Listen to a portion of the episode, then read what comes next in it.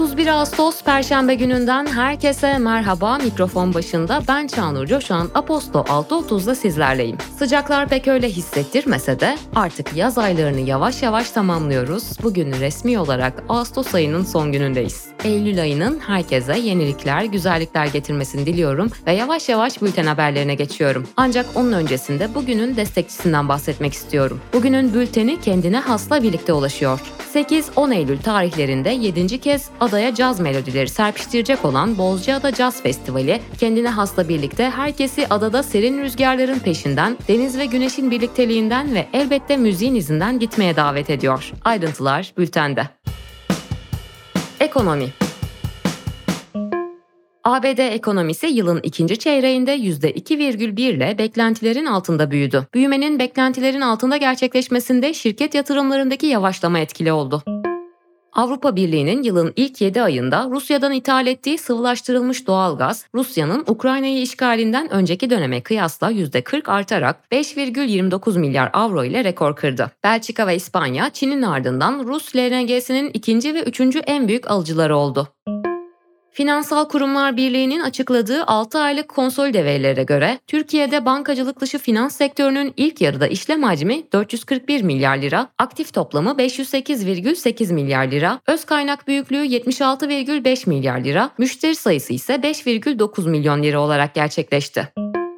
Finansal Okuryazarlık ve Erişim Derneği Başkanı Zekeriya Öztürk, Türkiye'de finansal okuryazarlığın %70'ler düzeyinde kaldığını belirterek parayla ilişkimiz çok yoğun ama finansal okuryazarlık çok bilinmiyor. Birçok insan düzenli olarak bütçe dahi yapmıyor şeklinde konuştu.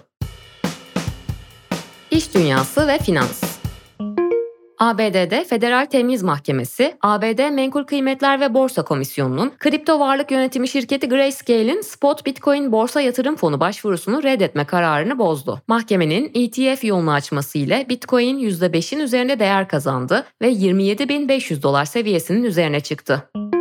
Amazon CEO'su Andy Jesse'nin ofise dönüş için kesin kararlı olduğuna dair ses kayıtları basına sızdırıldı. Jesse, kalıcı olarak uzaktan çalışmak isteyen çalışanlara ofise dönmemekte ısrarcıysanız dilediğinizi Amazon'da bulamayacaksınız çünkü biz artık haftada 3 gün ofisteyiz şeklinde konuştu.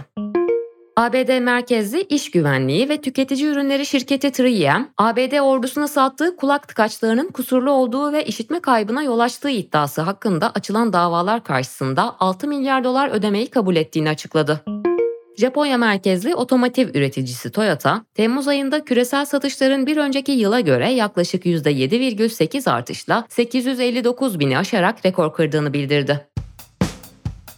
Politika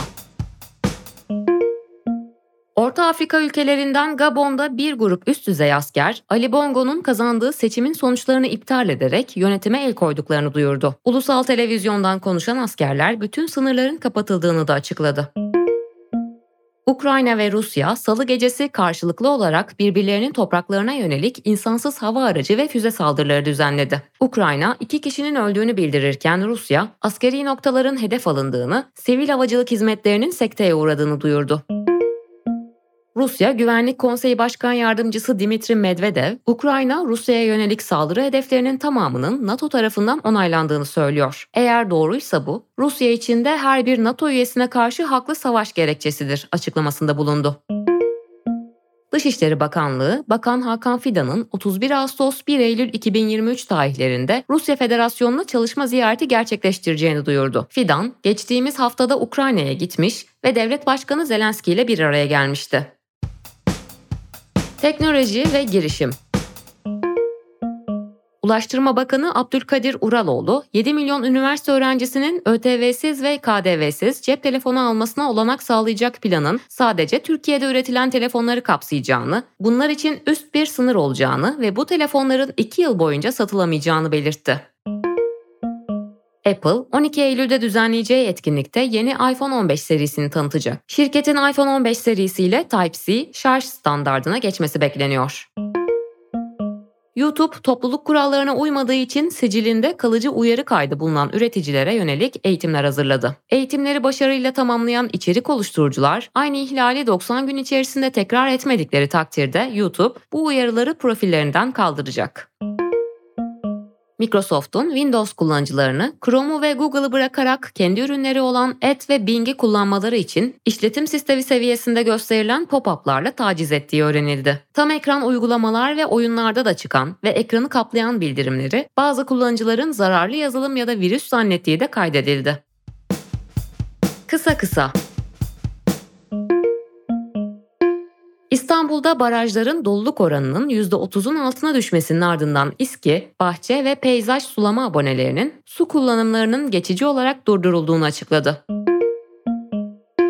İBB tarafından ek sözleşmelerle UKOME tarifesine aykırı ücret talep eden okul servislerinin denetlenmesi için İstanbul Valiliğine yazı gönderilerek tespit edilen okulların belediyeye bildirilmesi talep edildi. Van'ın Başkale ilçesinde bir araya gelen aşiret temsilcileri ekonomik kriz nedeniyle düğünler ve taziyeler için kemer sıkma politikası uygulamaya karar verdi. Düğünlerde gelinlik ve kuaför olmaması ve zarf usulüne geçilmesi yönünde karar alınırken taziye ziyaretleri ise 3 günden 2 güne indirildi. Günün hikayesi. Tedbir mi, müdahale mi, hatırlatma mı? İstanbul Valisi Davut Gül'ün 17 Ağustos 2023'te yayımladığı Alkol satışı ve alkollü içeceklerin tüketimi başlıklı genelgesinde alkol satışı ve tüketilmesi ruhsatı bulunan işletmeler dışında kalan halka açık deniz ve sahil kenarlarında plaj, park, piknik ve mesire alanlarında alkollü içki tüketimi yasaklandı. Tepki çeken genelge sonrası İstanbul Valiliği Basın ve Halkla İlişkiler Müdürü Emin Gökçe Gözoğlu, parka gidip iki bira içen vatandaş da değil bizim meselemiz. Burada kastedilen sarhoşluktan dolayı çevreye rahatsızlık rahatsızlık veriyorsa, şikayet varsa polis buna uygulama yapacak açıklamasında bulundu. Yazının devamı bültende sizleri bekliyor. Sevgili dinleyenler, 31 Ağustos Perşembe gününde Ağustos ayının son gününde ben Çağnur Coşan, Aposto 6.30'da sizlerleydim. Bugünün bülteni kendine hasla birlikte ulaştı. Yarın sabah tekrar buluşmak dileğiyle, hoşçakalın.